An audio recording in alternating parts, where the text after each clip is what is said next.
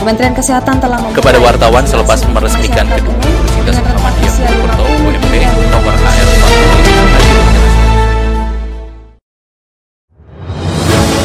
Halo pendengar, saat ini Anda sedang mendengarkan kumpulan peristiwa Pro 3. Pada podcast ini, saya akan mengulas terkait isu-isu aktual yang saat ini masih hangat atau ramai diperbincangkan di sekitar kita. Tentu saja nanti saya akan hadirkan cuplikan informasi dari reporter-reporter kami. Bersama saya Dila Kusuma inilah kumpulan peristiwa Pro 3 di ruang dengar podcast Anda. Pendengar sebelum saya masuk ke dalam beberapa isu aktual yang akan saya hadirkan sesaat lagi, saya mengundang Anda untuk mampir ke laman berita kami yaitu di rri.co.id. Anda juga bisa follow Instagram, Twitter, serta Facebook kami di @rri_programa3. Baiklah pendengar, inilah kumpulan peristiwa Pro 3. Polres Klaten kembali memindahkan sekitar 50 warga yang melakukan isolasi mandiri ke lokasi isolasi terpusat di Asrama Haji Dorohudan Boyolali. Pemindahan para isoman tersebut menurut Kapolres Klaten AKBP Edi Suranta Sitepu dilakukan buntut dari memutus mata rantai penularan COVID-19. Dilaporkan oleh reporter kami Adam Sutanto, berikut pernyataan dari AKBP Edi Suranta Sitepu selaku Kapolres Klaten.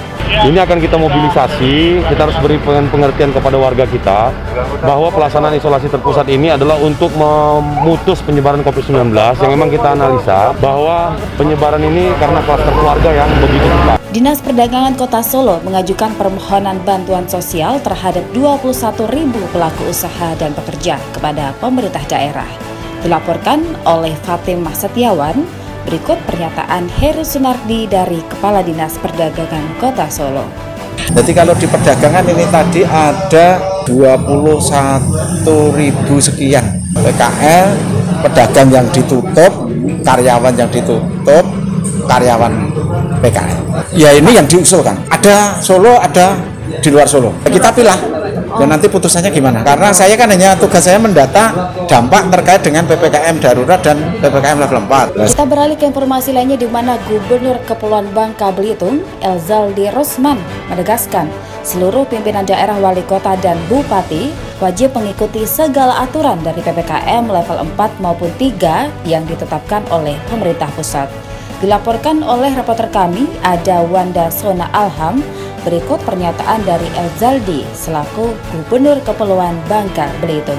Tidak boleh harus dilakukan oleh kepala daerah kabupaten kota. Ini perintah kok, perintah presiden. Jangan main-main ini. Kami diminta untuk menyampaikan ini dan terus mengawaki. Jangan nanti eh, kita sudah keluarkan ini tidak dituruti. Kita beralih ke informasi dari dunia olahraga. Memasuki hari ketiga pelaksanaan Pesta Olahraga Sedunia Olimpiade Tokyo 2020, tercipta satu rekor dunia di arena renang lewat kuartet perenang Australia pada nomor 4 kali 100 meter gaya bebas putri di Tokyo Aquatic Center.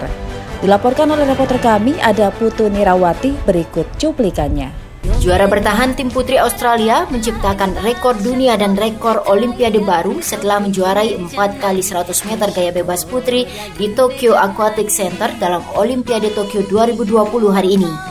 Dua bersaudara, Bronte dan Kate Campbell, kemudian Emma McKeown dan Mick Harris mempersembahkan medali emas dan sekaligus memecahkan rekor dunia sekaligus Olimpiade baru dengan 3 menit 29,69 detik. Medali perak pada nomor ini menjadi milik tim Kanada, sedangkan Amerika Serikat memperoleh medali perunggu. Ya, baiklah pendengar, informasi tadi sekaligus mengakhiri perjumpaan kita pada podcast edisi hari ini. Anda masih bisa mendengarkan podcast edisi hari ini di Spotify dengan hanya mengetik RRI Pro 3 di kolom pencarian. Tetaplah menjaga jarak dan tetaplah berada di rumah saja.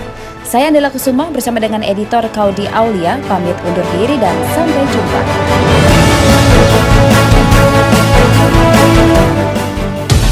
Kementerian Kesehatan telah kepada wartawan selepas meresmikan gedung Universitas Muhammadiyah Purwokerto